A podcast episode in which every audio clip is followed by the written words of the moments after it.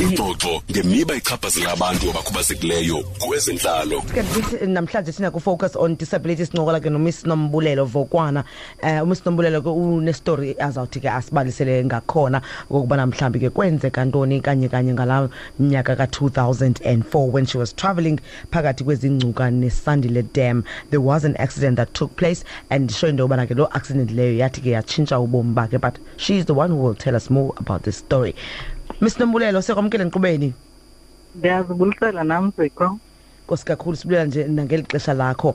Sinombulelo kho sixelele kokuqala nje into yobana um ingaba unombulelo lona ngubani waphi? Um mna njengoba usotshilo ke sisizikho ndingunombulelo wakavokwana e-apha zingcuka eqoboqobo okay all right. Mm. sixelele nje qabaqaba ngo- ngo- ngokwenzekayo ngalaa mnyaka ka-2004 ngalaa mini wawukhwela eteksini? O sathi siseteksini ke sisi yavela yasitaka iteksi udrayiva uthe xa istata yaqhuma umlilo so sabe siphakathi ke thina. Satsha ke saye sazama ukuphuma but saphuma sesilimele. Mm. ndaba nelakhi ke mna ke ndaba ngomnye wabaphilileyo. Nice all right. Now tell me emveni koba kwenzekile oku ingaba mhlawumbi washiyeka nee-injuries ezithini eh, okanye eh, ii-injuries zakho zithini ngeli xesha sikulo ngoku? Hayi sisi ndalimala kakhulu because apha ezandleni zezona zalimalayo izandla nobuso. Because izinto ezininzi andikwazi uzenza ngezandla zam ndiyakuva.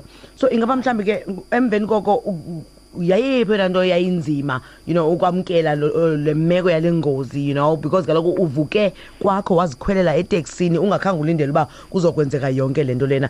Um just take us nje after the process yobana u- usamkela and also you know trying to face yonke le nto lena um yayenzekileyo kuwe. Hayi kwakunzima kakhulu sisi because ndandisengumfundi ngoko ndandifunda ugrade eleven. Suphosisa. Um ndandisengumfundi so ubuya kwam esibhedlele kwafuneka ndibuye futhi ndibuyele esikolweni. Mm so kwakunzima uba abantwana besikolo bandiqhelanga ndinje ngoku kufuneka ndibuyele esikolweni. Mm, mm. funeka ndijoyine kubona abantu abatsha ke ba-understanda kade yeah but so, kwafuneka ndistrongo ke mm, mm. Mm. zithini ii-challenges owaye wafeyisana nazo um you know after that? Njengoba sewutshilo wathi ubana ke kwakufuneka uba like abantu abatsha ke uyabazi mos uba they bathatha ixesha ukuzi-accept izinto nabo and bakhe bakwenze nawe ufilishe ingathi uyi-outsider tell me what um how was i- like indlela nje owathi um wa- wa- wazama ukuthi go through lo, lo process leyo ngayo? Ndane uyandiva na? Manje umzekelo sisi mna kuba ndingumntu othembe uthixo kakhulu sentsho babebiza amagama umzekelo uKentucky okanye umntu uthi Mm, umphuku mm. uku- ukutya angafuni ngezandla zakho kubona acekise kwayezandla zakho but ke ndandingumntu othembele kuthixo kakhulu because nemetric yam ndayipasa kuyo yonke loo nto leyo mm. mm.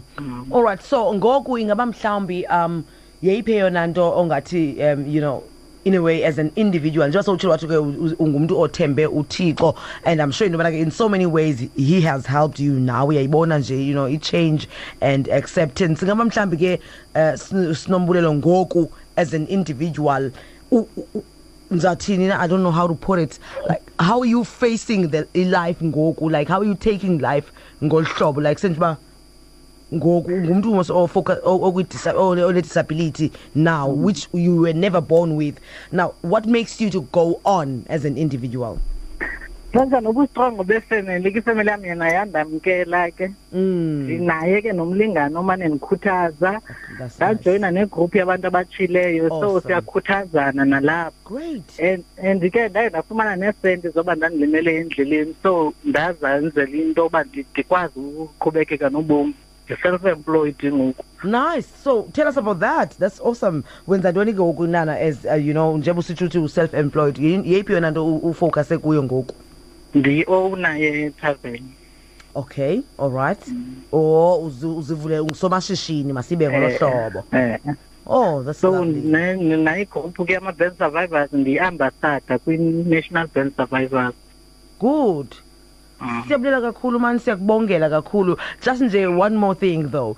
Um ingaba mhlawumbi yintoni onothi ke u- ilizwi ololiphosa nje to um you know the community i- i- at large in terms of ba uhlobo abathi baphathe ngalo abantu abane-disability in a way. Ungathi yintoni ongathi nje ufuna u- u- uyithetha nabantu in general? Abamhlawumbi bona abangayaziyo nabangaziboni nozibona ngelinye ixesha uba babaphatha ka- kabuhlungu kanjani na abanye abantu um you know in e- elifini ndifuna uqala ngabantu abadisable ndifuna ukuthi abantu abadisable mabaye kuzicingela maba- mabazithande bona baqale bazamkele ubudisability babo babe strong bangafuni ucingelwa ngabanye abantu usizelwa aba bona bangalimelanga ndicela ukuthi baye kus true sinombulelo masibulele mani sibambe ngazibini kakhulu nangencoko yakho nathi. Siyabulela nam. Kube nemini emnandi sisi wam mina mani nawe sesenkosi Ezenhlalo 9 to 11 a.m. Monday to Friday on True FM